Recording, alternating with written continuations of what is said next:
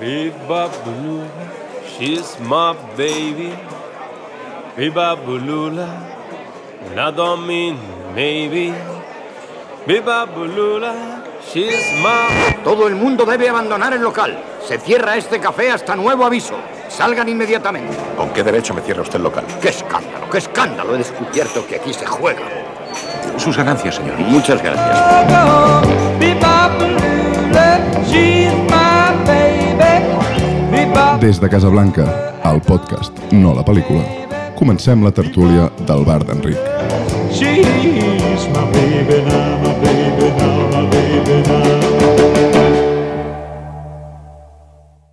Bon dia. Fins ara hem publicat quatre podcasts sobre demografia amb l'Albert Ardenui. Vam començar parlant, en termes genèrics, de la caiguda de la natalitat al món i de la relació entre la decadència econòmica i la decadència demogràfica.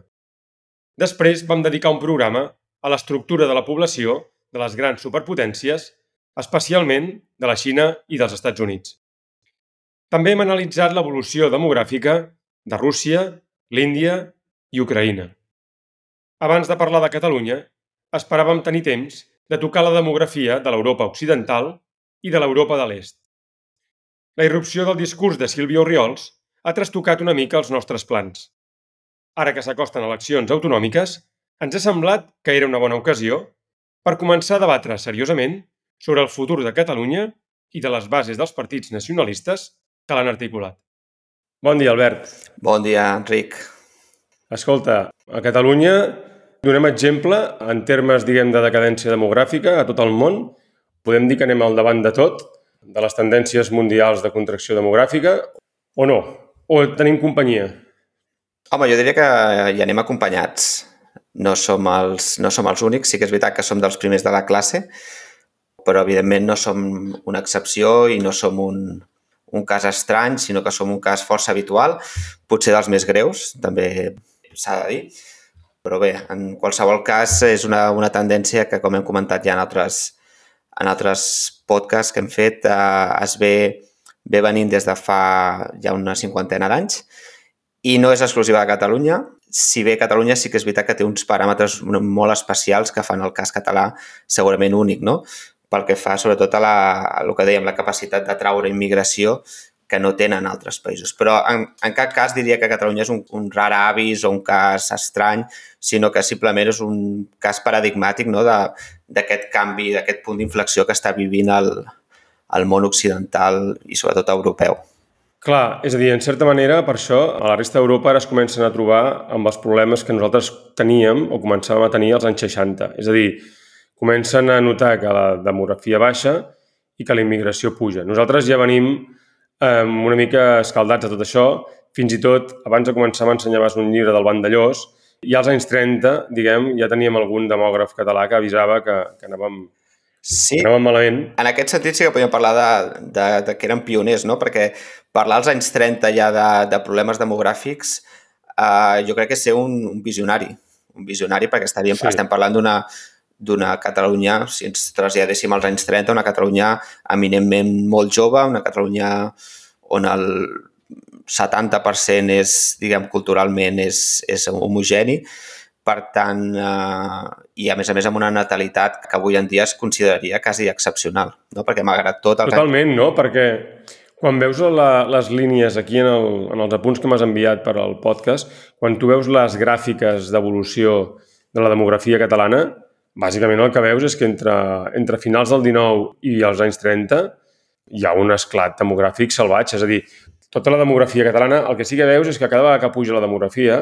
hi ha algun conflicte amb Espanya. Això, això es veu, eh? És a dir, la, la, tota la guerra dels segadors i la guerra de, de successió coincideix amb una pujada demogràfica, clar, molt suau, perquè en aquella època suposo que tot el món els canvis demogràfics eren més suaus, però la- l'esclat que hi ha entre finals del 19, 1880 o així, 1930, és espectacular. Espectacular tenint en compte que és un esclat d'arrel bàsicament catalana. Després l'altre esclat que hi ha és un esclat que ve per la- l'intent, bueno, per la invasió, bàsicament, per un intent de substitució ètnica que, que es promou també des del conjunt d'Espanya, no? Però, hòstia, eh, Sí que, paradoxalment, no, a partir de, de 1714 es produeix aquest canvi de, de tendència, no, en la qual una població que havia quedat bàsicament estancada no, des de en tota l'edat mitjana feia un canvi de tendència molt important no, i comença a, a, a doblar-se cada, cada 100 anys. I sobretot al, al segle XIX, Però- el segle XIX és un cas, Això. diguem, és segurament el, el segle més eh, profitós des del punt de vista demogràfic a Catalunya, no? on veiem una població que creix de forma enèrgica. Si em permets, mira, aquí tinc el, el gràfic i sí que és veritat, d'entre 1614 i 1800 fa una pujada molt forta, però entre 1800 i 1880 fa una pujada encara més forta, però és que entre 1880 o 85 i 1930 fa una pujada encara més forta i després ja entre 1940 i...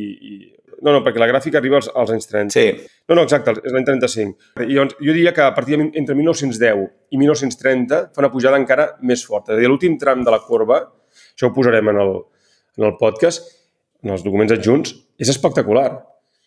És a dir, i això, com tu has dit, és una Catalunya molt jove que explica també en bona part la revolució que hi ha, la guerra civil, tota aquesta mena de descontrol, no? Perquè la revolució, tots ho sabem, la fan els joves. exacte. És un fenomen bàsicament jove. Exacte, la, la demografia també ens dona pistes de, no, del, del comportament de les nacions no? des del punt de vista de con, si són més o menys agressives.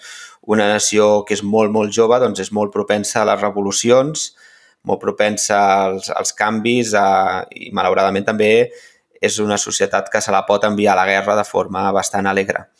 Un moment, una altra gràfica que m'has passat, que és que crec que val la pena això també per acabar-ho de complementar, que és l'augment relatiu de la població europea de 1800 a 1910. Uh -huh. I tu dius, l'evolució de, de la població europea, mm, diguem, té un 238% de creixement durant el segle XIX. Catalunya es troba just al mig, diguem, de la gràfica. És a dir, entre França, que és la que creix menys, segurament perquè hi ha tot el tema de les guerres napoleòniques, i Anglaterra, que és la que creix més, al costat de Suècia i de Bèlgica, prop d'Alemanya i d'Àustria. Això és durant tot el segle XIX, i això es fa amb forces catalanes, això es fa amb... Exacte. Això es fa amb elements, És a dir, els, els, dos milions, els dos milions de catalans que tenim a principi del segle XX, doncs en gran, gran Són part nostres. procedeixen d'aquests- d'aquest augment no, de, de, des del segle, del segle XIX. Eh, També una altra cosa, un moment, que és que el segle XIX, tot el segle XIX europeu, és, és el segle per excel·lència de la colonització. És a dir, aquest 238% que dius que hi ha de creixement és el que explica que o bé envies la gent fora o bé tens revolucions a casa. exacte. O bé fas guerres. En el cas de França, com que aquest creixement jo crec que li ve d'abans, jo crec que li ve de finals del 18, Exacte. Té la Revolució Francesa i té les guerres napoleòniques, que diguem que fan una mica... Sí, França és un, és un cas molt, molt curiós. Molt curiós. Fixa't on està França en aquest augment relatiu en el segle XIX. Està, és a l'últim. I Espanya sense Catalunya és el penúltim. És dels, important. és dels més baixos. En el cas de França hi ha una mica aquest efecte de, jo crec, de ressaca postnapoleònica, no? en el qual, diguem, la derrota postnapoleònica deixa el país una mica, diguem, estabornit i... Bueno, i perquè, i perquè la palmen molt joves, que són els que tu expliques molt bé en altres podcasts, que són els que generen aquesta, aquests efectes de bola de neu. És a dir, quan els joves tenen fills, però quan tu treus els joves d'una societat, hi ha un moment que no tenen tants fills per una qüestió purament numèrica, és a dir, no? Sí, però de totes Vull dir maneres, que si tu tens... els autors de l'època sempre parlaven de d'una espècie d'apatia francesa, no? I sobretot en, com, Val. en contraposició a Anglaterra i, i Alemanya, fins i tot no? que eren Val. pa països molt, molt puixants, molt països que havien- s'havien pujat al carro de la revolució industrial, no? sobretot Ang- Anglaterra, Alemanya, estaven, diguem, a països industrialitzats a, a tope, no? I França quedava una mica, doncs, a, agafat no? a, a contrapeu i, bueno, llavors és, ja sabem no? que al segle XIX, doncs, a- després de les guerres napoleòniques, França doncs, a, va aguantant com pot, fa aigües, tenim les guerres franco-prussianes en què també punxen de forma espectacular, Uh -huh. mentre que aquí els forts són, són a Alemanya i Anglaterra, no? països que, que creixen que creixen molt. Sí, sí, no, no, i, i és molt interessant, eh, perquè, és a dir, aquest creixement, diguem, de, de Catalunya, que és del 243%, també és el que explica que durant el segle XIX l'intent de canvi de règim, que, o sigui, el- tot el que és l'operació del general Prim, Sí, s'explica molt bé així, és a dir, aquest intent d'hegemonia de Catalunya sobre Espanya, en el fons té una base, en bona part, demogràfica. Clar, això és tot el segle XIX. Després, a la primera part del segle XX encara pugem una mica més i després ja la cosa embarranca. I embarranca d'una manera que recorda el tema europeu per això que estava dient abans. És a dir, quan tu tens un creixement de població molt fort propi, o tens revolucions o tens colonialisme, uh -huh. o sigui, o tens imperialisme. Exacte. És a dir, o Catalunya conquereix Espanya o té una revolució. Bàsicament, si t'agafes 1870, tens, intentes conquerir Espanya, 1936 tens una revolució. Exacte. Quan en comptes de població pròpia tens immigració, que és el que li està passant ara també a, a Europa, clar, la cosa es complica. Bueno, diguem que el nivell de cohesió interna del país no és el mateix i, per tant, les coses que es poden fer doncs, no són les mateixes. A nivell quantitatiu segurament pots tenir els mateixos contingents, però evidentment a l'hora de fer revolucions o a l'hora de que la gent s'uneixi contra algú, algú altre o contra el govern mateix, doncs ja es fa més difícil, perquè clar, evidentment la immigració atomitza més la societat, no? Es creen més grupets, aquest, la comunitats, contra comunitats, i no és el mateix que una població cohesionada encara no sabem per això què s'ha de fer amb la immigració, en certa manera. Vull dir que no hi ha una experiència Vull dir que el, el que estem vivint, en certa manera, és molt nou. Nosaltres en som una mica més veterans, perquè Exacte. l'experiència dels espanyols als anys 60, 70 i 80, però en el fons no se sap ben bé que, de què va això.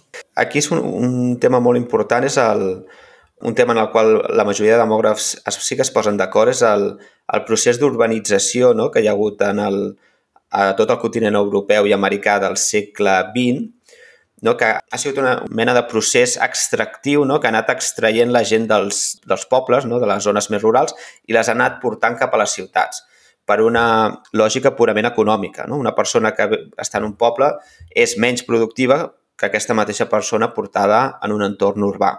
No, llavors, eh, diguem que els, els països, aquestes ciutats que inicialment eren petites, no? pensem que Barcelona al segle en, els, en el 1714 una ciutat molt petita, de 40.000 habitants, sí. en comparació amb el, uh -huh. el rere país, que estava ple de gent. No, llavors aquesta ciutat... Si em permets, si em permets posar una mica de context, Pere III amplia a Barcelona tota la part del Raval. Si aneu per Barcelona veieu tot el Raval. O sigui, tot allò, tot allò que Pere III ho amplia pensant que la ciutat farà un salt cap als 50-60.000 habitants, no es produeix per culpa de la pesta. Durant el 16 de 1614 tot allò ho fan servir per conrear patates i coses i menjar per poder resistir el setge. És a dir, que dos segles més tard o tres, la ciutat no ha pogut omplir amb, amb gent. Al segle XIX, al contrari, el que passa és que la ciutat queda emmurallada, el Raval es fa petit i si aneu a Ciutat Vella i veieu el nivell de densitat de població que hi havia allà acumulada, la Rambla era el lloc on la gent anava a respirar aire fresc. Aire fresc. Catalunya tenia una densitat de població... Ai, Barcelona tenia una densitat de població similar a la de Calcuta. Això, abans que tinguessin a terra les muralles, era com Manchester o Birmingham, però encara més, més, més densa. I la Barceloneta oh. sempre s'havia dit que era el barri europeu amb més densitat de població, no? Fins i tot. Val. Però eh, diguem, aquest procés fixa que és extractiu, no? Les ciutats són com una espècie de forat negre que atrauen i, i, i després t'ho explicaré, però i destrueixen, no? Per què? Sí. Perquè tenen moltes oportunitats laborals, perquè les persones poden... És una via per sortir de la pobresa no? de, dels entorns rurals, no? en, una, en lloc de fer feines del camp que són més eh, feixugues, penoses, no? doncs la ciutat dona aquesta oportunitat de dir, escolta, vine cap aquí i jo et donaré una feina a la fàbrica o et donaré una feina en el sector serveis i tu sortiràs d'aquesta pobresa. Per tant, atrau, té aquesta capacitat d'atracció. I això en el segle XX es converteix doncs, en una tendència generalitzada a, tot, a tota Europa i, a, i als Estats Units. Llavors, què passa? Que la gent dels entorns rurals passa als entorns urbans. Però quin problema hi ha o quin hàndicap té tot això? Que és que en els entorns urbans la natalitat sempre és més baixa que en els entorns rurals. Llavors això fa que aquesta població que arriba a la ciutat normalment té una descendència molt més baixa que no passa la dels, la dels entorns rurals. Però això no es compleix exactament amb el tema català, perdona que discrepi, eh, però les muralles cauen al 1854. Fins al 1936 la població de Catalunya creix, Barcelona creix, s'alimenta de l'exterior. És veritat, és veritat que s'alimenta d'Aragó i de València també, però vull dir que jo crec que les ciutats serveixen, i això sí que és veritat, el que, que destrueixen en el sentit de que serveixen per fer exèrcits, serveixen per fer homes massa que consumeixin a punta pala i, per tant, desespiritualitza, en certa manera, sí que destrueix, Però en el cas català, en el cas català, el creixement demogràfic el lidera Barcelona i el lidera Barcelona durant ben bé 40 o 50 anys. Exacte. Només ho dic, eh? No, no, no dic que no tingui raó, sí, però vull dir que ha la, la, aquest element. ciutat, la ciutat de Barcelona, evidentment, creix i als anys 30 eh, arriba al milió d'habitants. Crec que fins i tot abans que... Bueno, abans, Madrid. abans que Madrid, diria. Sí, sí. sí, sí, sí. De totes Sí, sí. maneres, aquest creixement no necessàriament vol dir que sigui un creixement orgànic perquè els propis barcelonins No, no, tinguin més fills, sinó perquè potser Barcelona sigui capaç d'atraure més gent més ràpid.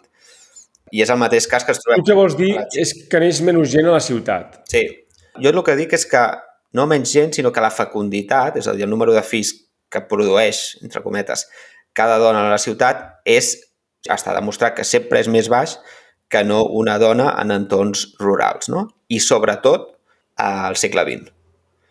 Però també pot passar, i ja no t'avalo més, que si la ciutat genera riquesa, aquesta riquesa repercuteixi en l'interior del país, no en forma de natalitat, però sí en forma de supervivència dels nadons que neixen al camp. M'explico? És a dir, que creix el, el benestar general i aleshores la senyora de Manresa, de, bueno, de Manresa, ja m'entens, eh, del Bages, de, del Vallès, d'on sigui, que apareix en una masia, doncs els nens li sobreviuen més, entre altres coses, perquè té un lloc on enviar-los, que és a Barcelona, per exemple. Bueno, efectivament, no? El, el modus operandi de, del segle XX era, eren famílies no? de l'interior de Catalunya amb 3, 4, 5 fills, el qual l'hereu potser es quedava i els altres dos, doncs un potser es feia cap allà i els altres, els que quedaven s'anaven a la ciutat, no? I la ciutat era una, era una via d'escapament de tota aquesta població excedent del, del camp. Vale? Val. El que passa que aquest procés, evidentment, aquest procés eh, bueno, s'ha anat prolongant i arriba un moment en què el camp doncs, potser ja no dona més de sí, o diguem-ho d'una altra manera, arriba un moment on aquestes famílies d'entorns rurals que tenien molts fills doncs, passen a tenir-ne considerablement menys, no? Ja ens movem entre dos i tres, no? I d'aquests dos i tres, doncs potser un ja marxa cap a la ciutat, no? Llavors fa que el camp ja no sigui un productor net de gent, sinó que simplement el camp es va despoblant degut a aquest efecte. Sí, sí, mira, avui, avui abans, mentre t'esperava, he vist un anunci d'un poble de Còrsega que ven les cases per un euro perquè la gent hi vagi. sí, sí. Les ven, evidentment, les cases s'han de restaurar, eh? I costen diners, però, però no deixa de ser bastant d'això. Total, que estem en aquesta fase, diguem, fins als anys 30, estem en aquesta fase expansiva i quan aquesta fase expansiva s'acaba amb la guerra i tot això, i aquest desànim, aquesta apatia, jo crec que es pot comparar amb la francesa, jo crec que el cas català es pot comparar en aquest sentit amb el francès, de, de començaments del 19, és a dir, que hi ha una apatia general, es supleix amb mà d'obra amb mà d'obra estrangera o amb mà d'obra, en aquest cas, espanyola, no? I això, que és una cosa que passa a Catalunya, ara ho veiem a nivell europeu, doncs, eh, doncs bueno, també una mica és el mateix. Eh, Es supleix amb, amb mà d'obra i amb contingents estrangers que arriben a la ciutat, que ja no venen del camp, del camp propi, sinó que venen del camp, bueno, d'un camp d'un camp aliè, perquè, perquè sigui Àfrica, Exacte, Sí, quan, diguem la, Orient. quan diguem que la teva, el teu hinterland, no? la teva, el teu país ja no és capaç de, de proveir a les ciutats amb aquests contingents, doncs llavors, eh, bueno, de forma es- espontàniament i també volgudament, apareixen nous, eh, noves zones d'on atraure, atraure aquesta gent. Saps què vull dir? Ja, ja, ja, Clar, i doncs en el cas català, això, com dic, no, no se sap ben bé què passarà amb això de la, de la immigració, perquè, és a dir, la població neta catalana, perquè ens entenguem, si intentéssim fer una mena de puresa de sang, de dir, aviam, els catalans de generacions, on estem, no? És a dir, la Catalunya, diguem, històrica, quina evolució demogràfica ha tingut? Es podria calcular això? A veure, seria molt difícil i depèn del que tu consideris la, no, la puresa, perquè evident, Bueno, evidentment Tres, genera tres generacions, per exemple. No se sap, això no, realment no es pot saber. A veure, sí que se sap que a principi del segle XX doncs, aquests dos milions famosos doncs, segurament uh, projectats al, al segle XXI doncs, potser estaríem parlant de dos milions i mig o tres com a molt. Estem parlant de... Evidentment no... Per tant, aquests- la població hauria crescut. Segurament sí, perquè malgrat... I això és, aquí estem especulant, eh? Però a principis del segle XX, als anys 10, 20, 30, 40 i 50, tot fa pensar que la, diguem, la fecunditat catalana era positiva. i a més a més la reducció en, mortalitat també va ser important. Per tant, sí que, sí que, hi hauria, sí que és d'esperar un, un, cert, un cert augment, però evidentment aquí ja tot això ja és molt especulatiu, no? perquè estem parlant de que, clar, ja des de principis del segle XX doncs tenim no, aquestes, aquesta immigració de, de, de València, de Múrcia, d'Aragó i després, evidentment, de tots els, de tots els altres contingents no vinguts de, de la península, no? sempre d'Andalusia, d'Extremadura, Galícia, bueno, ja, ja ho sabem. Per tant, jo crec que sí que es, sí que es podrien preveure... Clar, ara són, 8, ara, ara són 8 milions, o estem a punt d'arribar als 8. A l'any 80 érem 6. Es calcula que més o menys van arribar uns 2 milions i mig, no? Em sembla, de, de població espanyola durant... Sí, segur, sé passar de parlat d'això, no? El que passa també, clar, molta part d'aquesta població es va, diguem, es va ajuntar amb, amb població local, i llavors, eh, bueno, doncs, evidentment, els fills ja eren una mica barreja dels, dels que havien arribat i dels uh -huh. que ja hi eren.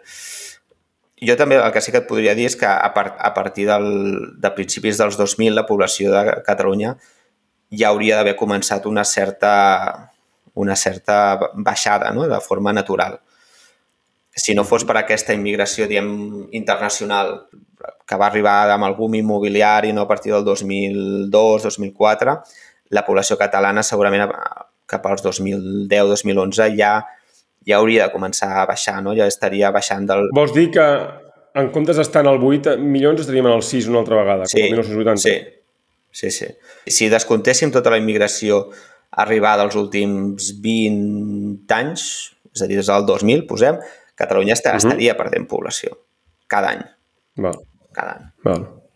Clar, perquè, Val. per, per un tema... I això seria bo o seria dolent? bueno, depèn de per, a qui ho preguntis i depèn de per què, no? Però eh, per l'economia segurament no seria bo, no? perquè l'economia sempre el que vol és, és tenir quants més consumidors millor i quants més treballadors millor. Des d'un punt de vista diguem, identitari, nacional, segurament tota aquesta immigració dels últims 20 anys no, no era desitjable. Depèn de qui ho preguntis, evidentment. L'economia, per l'economia segurament sí segurament sí. Des del punt de vista demogràfic, des del punt de vista demogràfic intrínsec, seria bo o dolent, perquè quan un país perd població, si està sa, en general, també tendeix a, entenc que tendeix a, a tenir més fills i, per tant, a, a recuperar-se, o no? No té per què. Pot anar baixant i pot, i pot simplement anar desapareixent. No, no uh -huh. crec que necessàriament hi hagi... És a dir, hi hauria d'haver una revolució espiritual social no? que fes, un, fes canviar el xip, un canvi, un canvi de valors que pogués uh, revertir aquesta, aquesta tendència a la baixa. Però aquest canvi de valors no creus que és una mica difícil si no tens una, una, un mínim de cohesió? Sí, clar, clar, evidentment és difícil. Sempre, si fem un escalat a nivell europeu, quan es parla de recuperar taxes de fertilitat arreu d'Europa, la resposta fàcil o la resposta que tothom pensa és ostres, hem de posar més diners sobre la taula perquè la gent no s'ho pot permetre, perquè la gent no té, no té recursos i la resposta a la qual han arribat tots els demògrafs és que els recursos i els diners sobre la taula tenen un impacte bastant baix sobre la fertilitat. És a dir, encara que tu posis molts diners, tu ajudis, tu donis... Això té un impacte que es calcula entre un 10 i un 15%, que no és no és menor. No... Ja, és més una, és més una qüestió d'estat d'esperit. Sí. És que és una sí, cosa sí, molt curiosa, si, per, si em permets, si em permets, fixa-t'hi, estic veient naixements versus defuncions, un, un, un, un esquema que tens aquí. De l'any 75 fins l'any 90, el que, el que fa és, eh, aviam si ho sé, si ho sé veure, eh, perquè el que fa és, sembla que sembla que baixi, uh -huh. que baixi el número de... De naixement. Que baixi el número de, de naixement. Sí, sí, sí. De l'any 95 a l'any 2005 do, o 2007 hi ha una pujada tant de naixements d'immigració com de catalans. És a dir, és allò que dèiem, la de catalans és, més, és molt més lleugera, és molt més suau, uh -huh. però és igual. L'important aquí, el que a mi em sembla que és bastant destacable, és que fins que, en el moment que esclata el procés, perquè ens entenguem, estàs en un pic. Estàs en un pic de natalitat. Serà molt, diguem, molt suau, però és un pic de natalitat que transmet un... Suposo que és fruit d'un cert optimisme o d'una certa empenta, no? I a partir de 2009, 2008-2009, oh, torna, torna a baixar, baixar, baixar, baixar. Sí, però... I, a més, aquesta baixada s'accentua bastant a partir de 2000. Sí, aquí, aquí deixa'm puntualitzar un tema, perquè que neixin més o menys nens no és una xifra tan rellevant com per mi la, la fecunditat, no? perquè al final que neixin més o menys persones també depèn de la quantitat de dones en edat fèrtil que tenen 30 anys. Ok. M'explico. Jo faria un anàlisi d'aquest gràfic que és molt interessant, és de dir, ostres, als anys 70 ens movíem a l'entorn de més de 100 100.000 naixements no? uh, per any. Mhm. Vale. Sí. Sí. Llavors, aquestes, aquests naixements tan alts, traslladats 30 anys més tard, és el 2005. No? És a dir, la, la dona promig no? que té els fills cap a, a l'entorn dels 30 i que va néixer als anys 70, doncs els, els té als anys 2000. Per tant, Vale, aquest és un, fixa que és un rebot, és com una, Vale. és un efecte eco. Vale? De fet, Sí, sí, sí, va, sí, van totalment. néixer molts nens, però realment les dones no en van tenir, en números relatius, no en van tenir tants. Tants. El que passa que n'hi hi, havia, hi havia tantes dones per tenir-ne que, evidentment, eh, doncs, encara que les dones en tinguessin pocs, eren, Clar. eren molts perquè hi havia moltes dones. No? I ara, aquesta vall- davallada que veiem el 2020 i que anirem veient aquests anys, això és, és degut, en part, perquè les dones que, a les quals els hi toca tenir fills, que són les dones dels anys 90, 30 anys més tard és 2020, aquestes ja eren molt Mhm. poques, perquè aquí van néixer molt poques dones. No? Així que als anys 70 naixien a l'entorn de més de 100.000 persones, Sí, sí. la meitat de les quals dones, als anys 90 això ja eren menys de 60.000. No? Hi ha una caiguda a pràcticament al 50. Per tant, quan aquestes dones als anys 90 els hi toqui tenir fills, que és ara, doncs, evidentment, eh, a menys que no hi hagi una revolució de la fertilitat, eh, en números absoluts caurà. No? I, I això segur que les notícies ho podem veure tots, no? que, que veurem que cada any doncs, hi ha menys, els naixements van baixant. Jo crec que la, la, dada, Això- la dada clau, Enric, per, per veure la, la vitalitat, no? per, per detectar aquests, el canvi, els canvis d'humor, no? els canvis de tendència, els canvis de vitalitat, és, és en la fecunditat.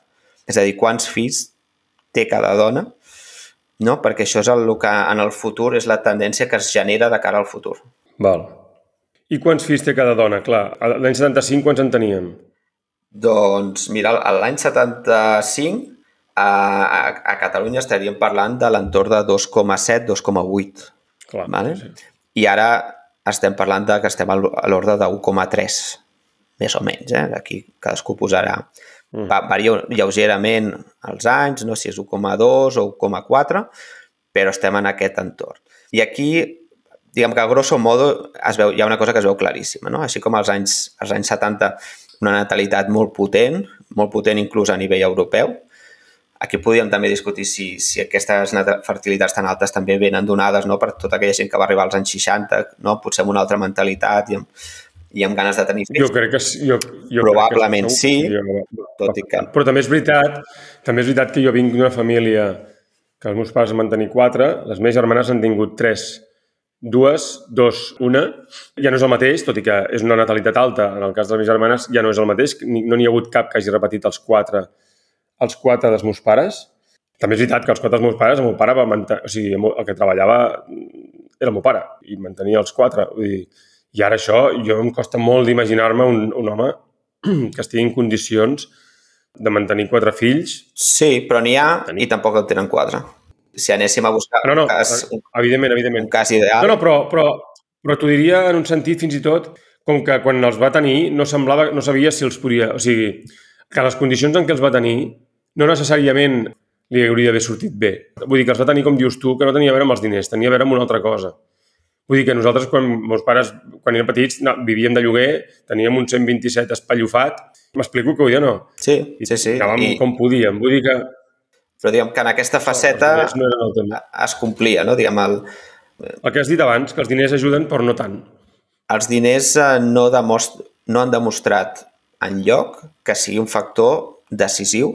No dic és un factor que influeix, però ni molt menys decisiu Mhm. Sí, per, sí, sí. per fer una recuperació important. No? I aquí el tema d'Hongria podríem parlar-ne, no? d'un país que destina el 5% del seu PIB a, a la natalitat, no? posar les cartes sobre la taula, a fer un cop de puny i, evidentment, hi ha una recuperació, però és una recuperació molt, molt suau, molt suau.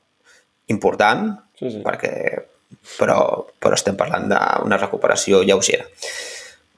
Res fa pensar que posar molts diners eh, sigui la solució. És, pot ser una part de la solució, però ni molt menys la solució. Però jo per això et deia el tema de la immigració, és a dir, que, que aquest canvi espiritual que tu dius, és dir, aquesta, aquesta sensació d'anar endavant i tot això, i de... Jo tinc l'impressió que el tenir fills és un, hi ha un tema com d'estat d'esperit. Sí. A mi em fa l'efecte que si analitzem els anys 70, el que hi ha és que els catalans, diguem, històric, històrics, se senten alliberats del franquisme i tenen una certa esperança, és a dir, els meus pares, sense el país al darrere, segurament no haurien tingut quatre fills. No sé si m'explico. Hi havia com una idea de... A casa nostra les hem posat putes amb el Franco, ara això s'ha acabat, ara anem a fer un món millor. O sigui, hi havia una idea de món millor al darrere, hi havia una idea de, de contribuir a una societat millor. No, no, no des d'un Sí. punt de vista fanàtic, però sí des d'un punt de vista, bueno, de donar un sentit a la, a la, a la pròpia vida d'una manera positiva. Exacte, amb una, Havia això i des... amb una, amb una economia que també acompanyava, eh? si em permets. Sí, sí, també acompanyava. Bueno, però eh, insisteixo, eh? vull dir, el meu pare s'havia quedat... A... Jo recordo que va quedar a l'atur, va muntar la seva empresa, jo el recordo plegat perquè en un dia havia hagut de transportar mil quilos. És a dir, bueno, en fi, vull dir que tampoc et... pen- no, no, no era l'economia d'ara. I alhora, el món de la immigració, el món de la immigració, això, havia vingut a Catalunya amb una mal de bany al darrere i a l'any 75-80 molts ja començaven a estar col·locats i, per tant, també està veient amb, amb optimisme el futur de dir, hòstia, ens hem tret de sobre el pueblo, o sigui, ara anirem allà només a estiuejar i ara nosaltres, jo, jo ja sóc algú, no? I, i aquesta, aquesta alegria també es veia. Després ve la transició, ve tota aquesta cosa, diguem, socialdemòcrata, de tranquil·litat i de, bueno, d'allò de hoy puede ser un gran dia, i la impressió que a mi em fa és que tothom es relaxa una mica. És a dir, hi ha, hi ha tota una altra generació, que és la que ve dels anys 60, que ja ve amb uns altres valors, i la cosa comença a baixar. Sí. Bueno, i aleshores això que dius tu, jo crec que la, la pujada, la repuntada que hi ha l'any 2000 ve dels fills d'aquesta primera generació dels anys 70 que tenen la família amb molta il·lusió i amb una idea com molt forta de, de país o de societat, més que de país per fer-ho extensiu a tothom de societat, i que hi ha un rebot. Com dius tu, tenen molts fills, per tant també hi ha moltes dones, però també hi ha aquest esperit. És a dir, jo tinc la sensació, si miro al meu voltant, que la gent de la meva edat que quan va tenir fills, és a dir, jo sóc una excepció, perquè ens entenguem. Jo vaig decidir que volia escriure no sé què, però no tenia la sensació... La gent, per defecte, tenia fills perquè els tenia, però amb, la- amb la il·lusió, encara, amb un cert rebot de la il·lusió que hi ha als seus pares i de repetir l'esquema, tot i que repetir-lo d'una manera més còmoda, si vols. Val? És a dir, en comptes de tenir quatre fills, en comptes de tenir tres, potser en tenies un o dos, però era una mica el mateix esquema. Anem a fer una família, sí. tindrem un cotxe, dos cases, una feina estable... Encara hi havia aquesta, aquesta idea, no? Em caso, el, el matrimoni és per sempre, em caso amb la, amb, la, amb la primera persona amb la que he follat, la segona o la tercera com a molt. És a dir, encara hi havia com una certa ingenuïtat. Hi ha, hi ha un, crec que un mimetisme, hi ha, això no, va- no s'ha de passar per alt, no? que les, els fills tenen un, apliquen un cert mimetisme de les famílies en les quals han crescut. No? Llavors, si han crescut en una família amb tres fills, ells no, quan han de formar una família, per ells no és res estrany plantejar-se de tenir tres fills, per dir alguna cosa. Mentre que si tu has nascut en una família de fill únic en el qual tot ha sigut per tu i tu estàs estat acostumat a viure només amb els pares, doncs quan tu formis una família, el teu model de família serà el de fill únic o com a molt el de dos. Llavors, les famílies nombroses, la mentalitat es, es trasllada als fills. No? Després pot ser que, que efectivament es formin aquestes famílies nombroses o no, però, però no els hi ve de nou. No? Sí, sí. I deixa'm, deixa'm que et, et parli d'un factor que jo crec que, que és també molt clau i potser menys romàntic, però s'ha de, dir. És a dir, en aquesta transició de finals dels anys 70, on nosaltres creuem la línia dels 2,1 fills per dona, no? a partir dels, dels 80, la natalitat ja és de subreemplaçament. És el, podríem dir una, una data clau. Fa, fa 43 anys, diguem, la societat catalana ja començava a, a generar menys fills dels necessaris. Doncs un dels factors que jo crec que és molt important és la llei de l'avortament de l'any 78. No? Després de la dictadura, llei de l'avortament. I no sé fins a quin punt té una influència, però jo crec que té una influència gran i és un dels factors que fa baixar molt la natalitat. Vale? Bueno, jo crec que potser més que una influència la llei en si, el que té influència és el concepte, que és diferent. Les dues, És el les dues coses. que, que, des, que deslliga la sexualitat del, de la progressió. Bueno, Sí. la llei de l'avortament i la llei també podem parlar de la llei del divorci, no? que també entra després del franquisme. Hi ha una sèrie de canvis legislatius que jo crec que tenen una càrrega de profunditat molt gran. Molt gran, eh? No ens oblidem que a Catalunya cada any es, hi ha 18.000 avortaments, més o menys. I això sí que és una xifra molt rellevant, eh? És a dir, si aquests 18.000 no s'avortessin perquè estigués prohibit, Uh -huh. bueno, no dic que ho recuperem tot, però estaríem en molt millor posició. Per tant, sí que és veritat que aquests avortaments, aquesta llei de l'avortament té, Per- té implicacions. Per aquest element, per aquest element que tu dius, diguem, de mu- multiplicador, no? Entenc? Sí, per aquest element, diguem, escalable. Vull dir que 18.000 un any, més el següent any, més el següent any, si tens una, un creixement del 2 i, de 2 i pico, que un que neix, és, és, si és un 1,2, aquests 18.000 multiplicats tenen, tenen un efecte escalable. Vull dir que encara que sigui un 1,2, aquests 18.000 es converteixen al cap de generacions en 20.000, perquè ens entenguem. Sí, bueno, el, els, les natalitats tenen efectes ex, exponencials. Sí. Clar, sí. Llavors aquí sí que és veritat que a l'últim punt que t'he passat de, del guió parlo d'efecte pervers no? de la fecunditat en el, en el subreemplaçament. Què, vol dir? Pervers perquè baixa més ràpid del que un es podria pensar. Fixa't que si tens 1,2 fills, que és el que té Catalunya aproximadament, sobre dos progenitors, idealment, d'acord? Mm -hmm. Estem parlant que la generació que neix passa de 2 a 1,2, no? I per, mm -hmm. per tant estem perdent el 43% de la població. És a dir, aquella generació que neix és un 43% més petita. Hòstia, Clar, que bèstia. no vol dir que la població baixi un 43%, perquè els pares encara estan vius.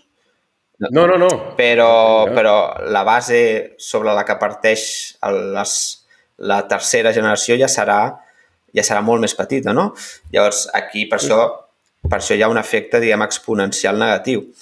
Si un, una família de dos té 1,2 i aquest 1,2 té 1,2, això fa que la segona generació la, ter o la tercera, depèn de com es miri, Sí, sí. I que per remuntar-ho costi molt més, sí, sí.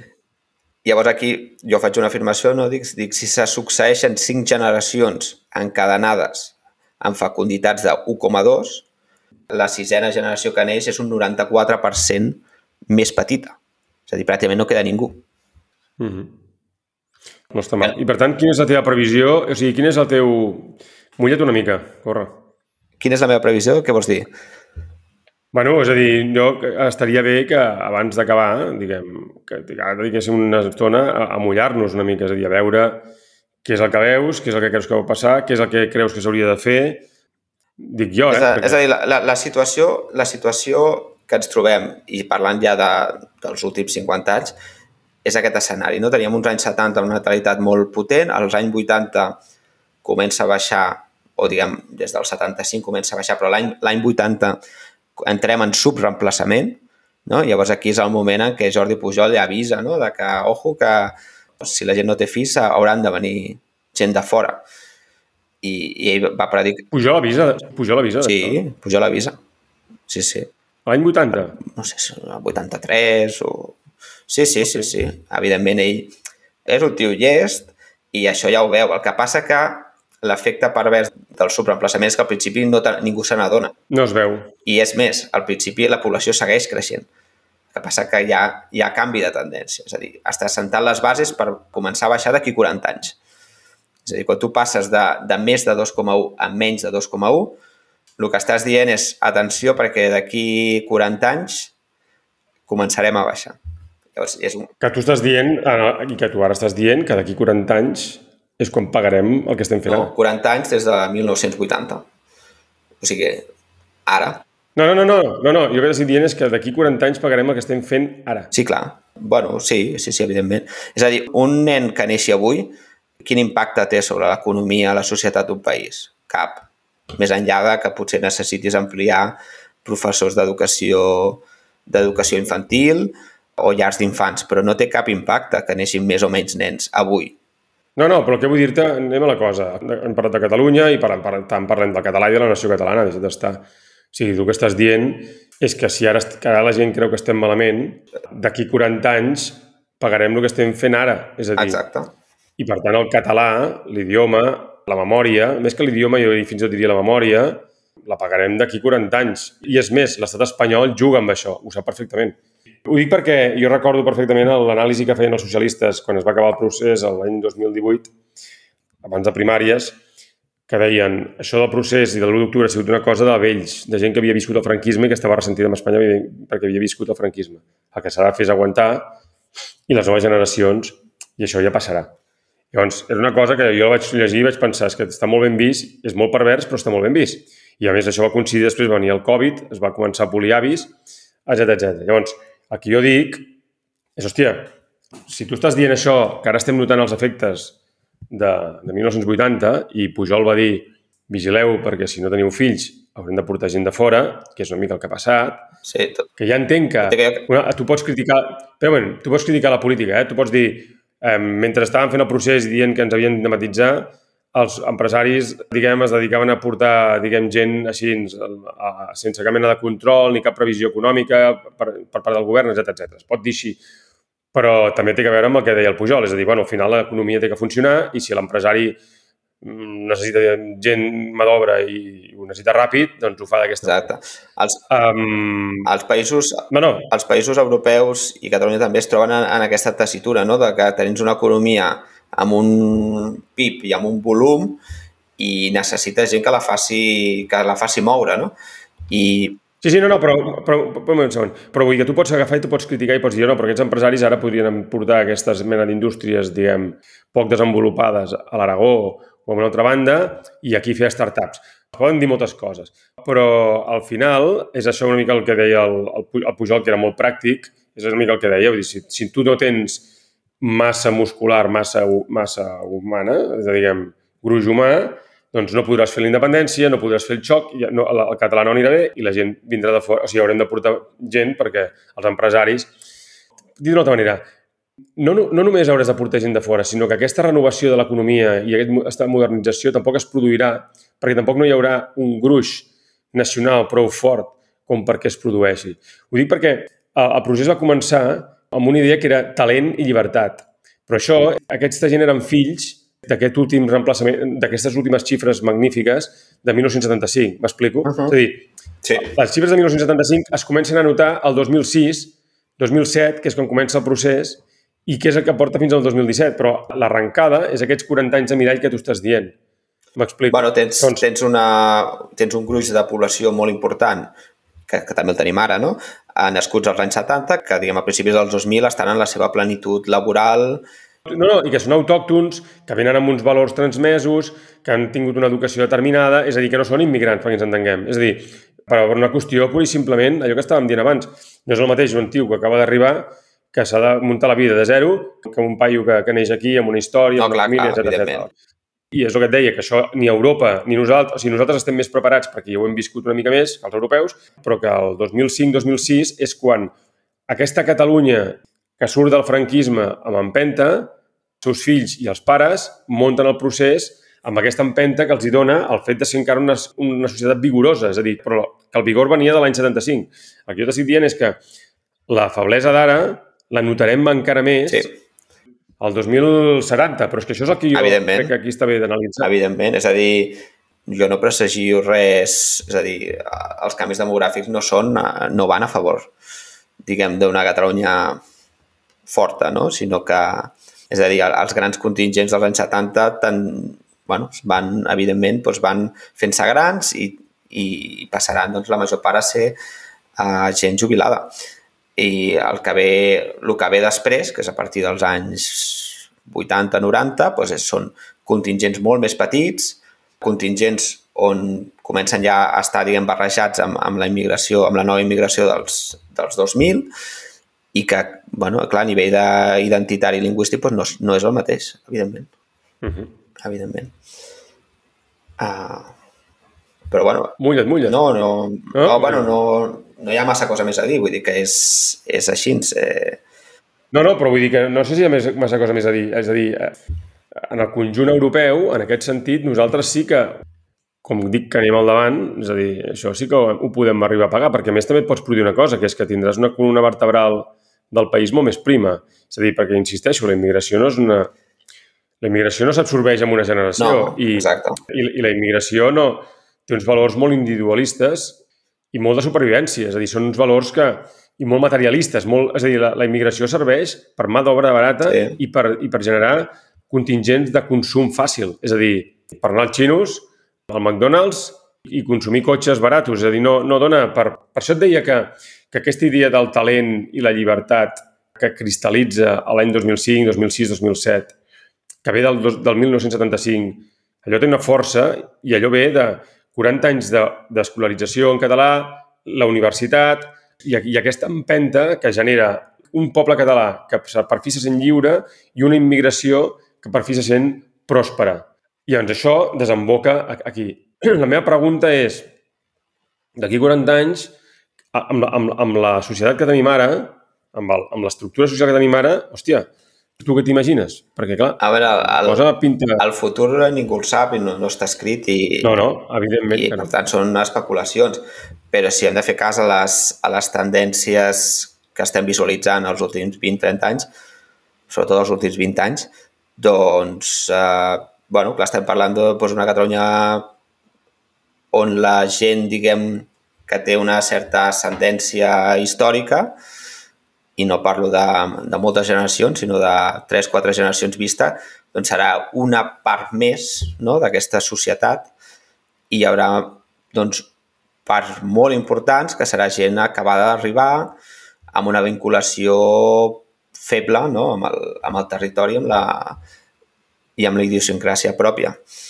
I això, bueno, doncs això doncs, té les seves implicacions, clar.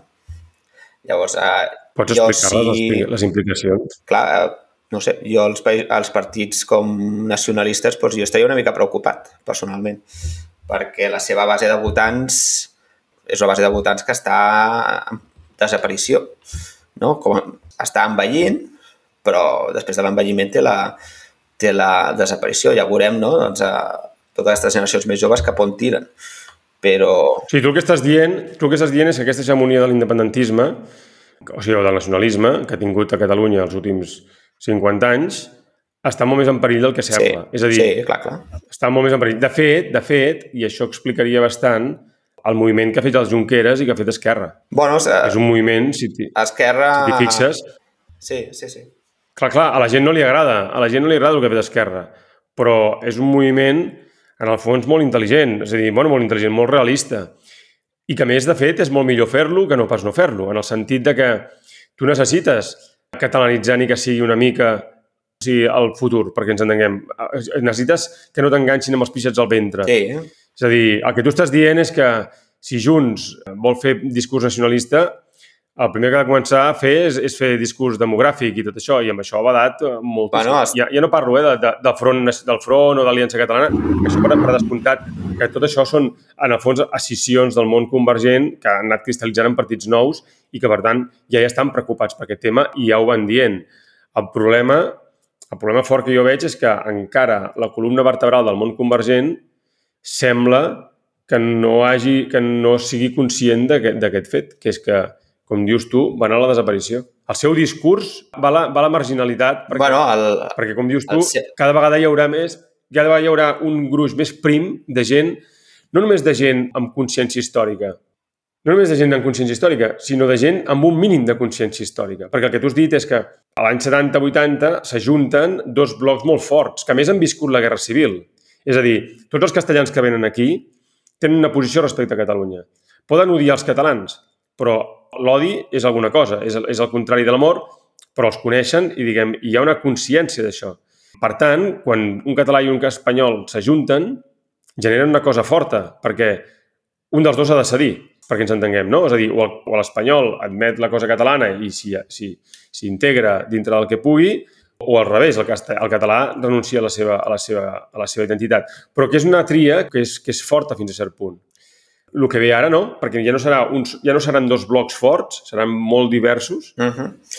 Sí, tam i No? també li, li deixa'm fer-li una, una... fer un passet més perquè ja no... O sigui, el que s'està detectant també des de en les persones joves és, és la creació, podríem dir, d'individus globalitzats, no? persones que ja que van una mica més enllà dels estats, nacions, identitats particulars, sinó que, que és eh, entren en una mentalitat de globalista, no? podríem dir, de dir, bueno, jo estic aquí, però com que no sé si demà passat estaré allà i els meus pares són de més enllà, doncs jo no em comprometo amb ningú i simplement eh, estic on m'interessa estar. D'acord? Llavors, bueno, Sí, ara... ara... aquesta, aquesta idea, aquesta idea del, del ciutadà client. Sí, Però aquesta idea del ciutadà client, el problema que jo li veig, que em sembla, a mi em sembla bé, vull dir, no hi ha cap problema, això és una cosa que és, no, no es pot parar i per tant és el que hi haurà. Però el tema de la ciutadà client és que si no hi ha... El client necessita una botiga i la botiga té que obrir cada dia. ah, La pregunta és qui collons portarà la botiga? Aquí és on jo veig el moviment d'Esquerra Republicana de dir, ui, nosaltres portarem la botiga, però bueno, serà una botiga basar, diguem, de baixa qualitat, perquè, diguem, el que tindrem aquí, diguem, segurament la cosa no anirà molt d'això, i els que posen el llistó alt, que són els que haurien de voler i haurien de dir, no, no, escolta, nosaltres necessitem, o sigui, necessitem fer que aquesta botiga sigui de qualitat, però això vol dir que necessitem uns contingents mínims. Aquests no estan parlant no estan parlant d'això que tu dius, que tu necessites un pal de paller de país, perquè ens entenguem, allò que se'n deia el pal de paller, fort, i fort vol dir que hi hagi un mínim de demografia, un, un mínim demogràfic. Exacte. No? I aquí és on jo voldria que et mullessis. Que, quin és el mínim, què és el que tu voldries que passis els propers 20 anys, que sigui realista. No vull que em diguis, no, que ara la gent es posi tenir tres fills perquè tots... O sigui, realísticament, tu què creus que és el millor que pot passar? Quin creus que són els límits de, de, de, de, de lo dolent que podem aguantar? jo, jo crec que el, que el que seria bo, un dels errors que per mi hi ha hagut, ja no és només que arribi gent de fora, doncs és perfectament normal en, en la majoria de països, no? però ja no és un tema de compensar diguem, aquest envelliment de la, de la societat que hem tingut, no? amb, amb mà d'obra que pugui doncs, rejuvenir el mercat laboral, sinó és que no només has compensat això, sinó que a més a més has fet créixer la població dos milions. Llavors, eh, que has passat a Catalunya de 6 milions a una Catalunya de 8 milions. I diguem que el territori no dona tampoc per tant. Per tant, eh, ja, no és, ja no és només una immigració que ha vingut a, a, a, a rejuvenir el mercat laboral, sinó que ha vingut a fer créixer en números absoluts, no? El que tu estàs dient és que desgasten el territori sense... que- Bueno, que potser, a, a veure, que, diguem, Catalunya no és un territori tan gran com per anar creixent de forma infinita. I això és un impediment i això és un impediment per la natalitat dels locals. bueno, això pot tenir certs hàndicaps, no? com per exemple els mercats de l'habitatge molt tensionats. No? Podríem dir, ostres, si, com és que hi ha tanta dificultat per obtenir habitatge si, si resulta que no, no és que neixi gaire gent, no? sinó que potser mor més gent que no neix, uh, almenys de, de la gent d'aquí. Doncs, doncs, evidentment, hi ha molta, molta pressió exterior i això es nota a Barcelona, no? el procés d'expulsió de la gent és perquè, bueno, doncs perquè hi ha molta pressió de, de, de gent que arriba i, i posa els, els calés sobre la taula. Eh, llavors, jo crec que el que seria bo és uh, intentar no veure aquests augments de població com algo tan bo. No? Això dels 8 milions sembla que sigui com una, una, una, un sorteig, no? a veure qui, qui puja a l'aposta. Eh, jo crec que el que... Això per, des, això, per des, això per descomptat. Per tant, la primera de tot, per tant, és tallar Tall. una mica el, el flux migratori. També és veritat que molta, d'aquesta desarrollismo, alguns... hi ha com una espècie de falera pel desarrollismo de, vinga, més, construïm més, fem més, ocupem més, fa venir més gent. Això per l'economia és molt bo, però jo crec que bueno, ha de tenir uns, uns certs límits. Hem de... Què més? Jo crec que seria bo, doncs, doncs, evidentment, intentar que la població no creixi de forma tan artificial, no? O sigui, tu creus que estaria bé que passéssim als 7 milions, perquè ens entenguem. Jo crec que estaria bé no augmentar més. D'acord, però pels pròxims 20 anys, sisplau, podem mullar-nos una mica? pels pròxims 20 anys, doncs jo crec que el que s'ha d'intentar fer és donar, evidentment, ajudes o intentar facilitar perquè la gent pugui doncs, tenir una família, tenir fills, intentar estabilitzar, diguem, augmentar una mica la natalitat i després a nivell econòmic doncs, potser no optar sempre pel, per sectors econòmics intensius en mà d'obra de baix valor afegit, que és el que s'ha fet no? amb el turisme de masses, amb el... Però em pots posar dades, per favor? Intentem descriure... Jo crec que la situació és prou greu Quines dades com perquè siguis una mica... vols que... Albert, Albert, no, no, vull, no, no és les que jo vull, és el que tu vols. És a dir, jo el que dic és que aquest podcast és molt important perquè estem dient coses molt sèries. És a dir, que a més hem fet uns altres podcasts sobre demografia per, per preparar-los. Intentem explicar una mica als propers 20 anys què és el que creus que pot passar en sèrio, de dolent, i què és el que podríem, podríem fer per limitar-ho, més enllà de que no creixi més la població, sinó, o sigui, quin seria el teu ideal realista i quin seria el teu malson? És a dir, jo crec que després de tot el que hem explicat, això ho podrem intentar dibuixar d'una manera que sigui clara, perquè la gent tingui una referència de què és el que és cap on hem d'intentar anar i cap on no hem de voler anar de cap manera. O sigui, amb, fins i tot diria amb, amb taxes de reemplaçament. Quina taxa de reemplaçament, o sigui, quina taxa de natalitat creus que es pot aconseguir? Ja sé que és tirar, ja sé doncs, que és especulatiu, mira, eh? ja entenc que no és científic, però... D'acord, eh, parlem-ne. Doncs la, la fecunditat, no? que el que m'estàs dient, si, si Catalunya està a 1,2, 1,3, jo crec que si es fa una bona feina, una bona feina, podríem, es podria arribar fins a l'1,7 o 1,8. D'acord? Que això és... En quant temps? En quant temps? Sempre és un període, sempre és un període llarg. És a dir, tu has de, has de fer un canvi de tendència. Un canvi de tendència... Quant temps? Jo crec que es, anys, es pot fer anys? en... No, en 5 anys no. Jo crec que es pot plantejar 10 anys vista. 10 anys vista i és normal, eh? perquè tu, tu al final tu apliques una, apliques una sèrie de palanques. Per tant, a 10, a 10 anys vista arribar a 1,7, per a, a 40 o 30 anys vista arribar a 2,1. Sí, sí, sí, això és, és una feina a llarg termini, és a dir, jo crec que això, evidentment, hem d'anar cap aquí amb, totes les, amb tota la força. Això és... Les forces que tinguem. Exacte, perquè faig un parèntesis, és a dir, si tu tens una fecunditat baixa, sempre necessitaràs immigració, sempre hauran de seguir venint, oh, seguir venint. D'acord? Per tant, aquí jo crec que aquest ha de ser un dels punts claus i de fet és un dels punts que no entenc perquè no s'ha fet els últims 30 anys. És molt, és, és molt, molt evident. evident perquè no s'ha fet. Però, bueno, ah, per tant, no, no, és molt evident. S'ha fet, no s'ha fet perquè es tracta d'espanyolitzar Catalunya, és que és així. Bueno. Llavors... Um, bueno, jo, jo, no, jo diria que no s'ha fet perquè això implica posar recursos sobre la taula que no donen, no, no, rèdits, no, no, no, donen rèdits electorals a curt termini. És a dir, perquè si tu ah, bueno, dones ajuda crec que sí, eh, als nets, Albert, els fills aquest, no voten. Aquests, Albert, no, però, a veure, des del 2000 aquests, tot, tot, aquest discurs, eh, clar que hagués donat rèdits perquè hi havia molta gent que ja estava... Passa que no estava... Vull dir que jo crec que és, és un discurs que és conflictiu. Ara ho és menys perquè té menys possibilitats de produir-se.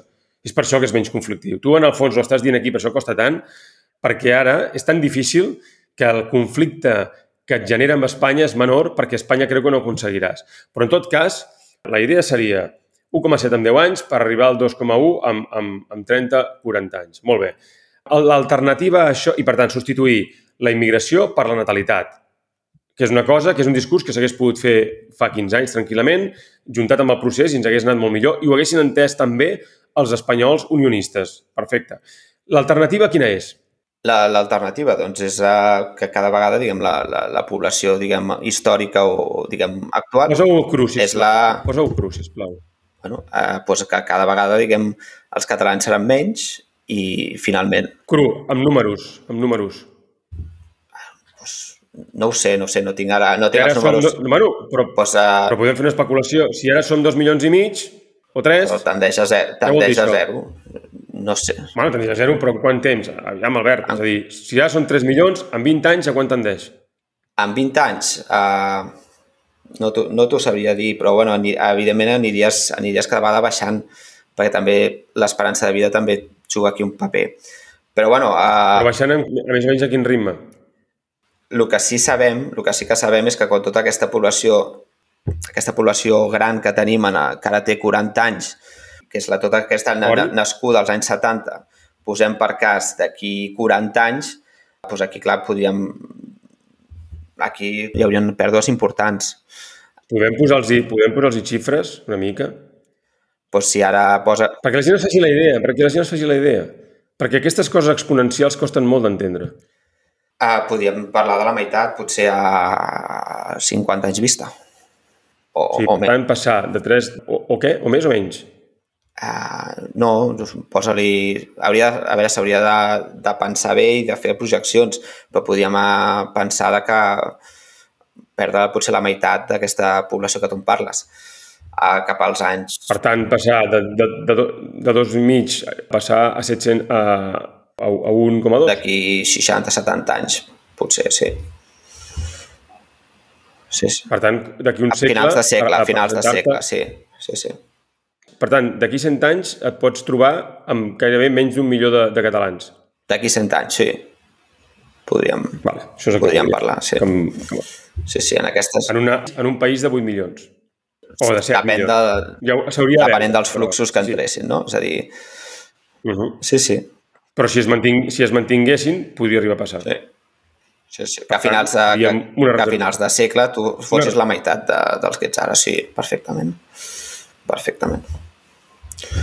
Molt bé, doncs jo crec que ho podem deixar aquí. És a dir, mm, al final ho he aconseguit. No, no, però vull dir que és que costa de dir, però... No, però les projeccions Oi són quan complicades, tu- són complicades, tampoc vull... És evident que són Però complicades, però, oi que quan tu dius, quan tu dius, fins i tot a mi se'm foten els pèls de punta. És a dir, quan tu penses que d'aquí un segle podem arribar a ser menys d'un milió, o un milió en una població de 8 milions o de 7 milions, Bueno, aquí entrarien altres paràmetres, no?, de com es comportaria aquest milió, no?, quan es, estigués en un entorn més hostil, no? Però sí, sí. Exacte. Uh -huh. Com, què vols dir?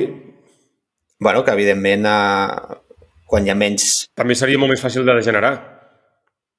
En quin sentit? Pues que quan tu et sents molt més pressionat, també Ah, tendeixes a cedir més, a, a, generar, Exacte. a generar mm, extravagàncies i Ex- situacions. exacte. És a dir, és un procés d'indigenització. I això és complicat, això és complicat de, de, de valorar tot aquest comportament psicològic no? que, pot, que pot tenir aquesta població, però bueno, podríem dir que en números absoluts podríem parlar així de, cap a finals de segle la meitat o menys. Podem parlar de que més val que no ens hi trobem. A veure, els que estem aquí, Més val- jo crec més que no, no hi serem a finals de segle, però, però bueno, sí que es, evidentment ja es, es veurà no, tot aquest procés. És a dir, tot això és, es va veient i se, segui- se seguirà veient. Molt bé. Doncs uh, moltes gràcies. Ha sigut molt interessant. És un, és un tema Molt complex, no sé si he donat totes les respostes...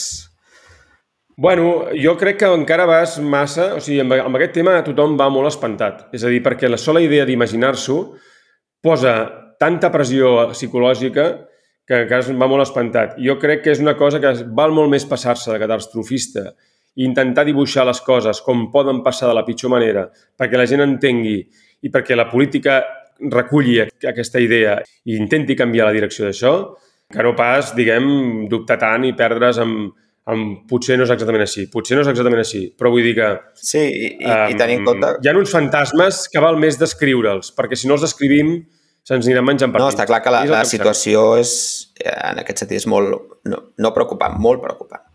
Moltes gràcies, perquè ets el primer que, diguem, que, que ho he intentat posar d'una manera ordenada, científica i, i numèrica. Fins a propera. És la propera, ens veiem. Play. Play as time goes by. Oh, I can't remember it myself. I'm a little rusty on it. I'll hum it for you.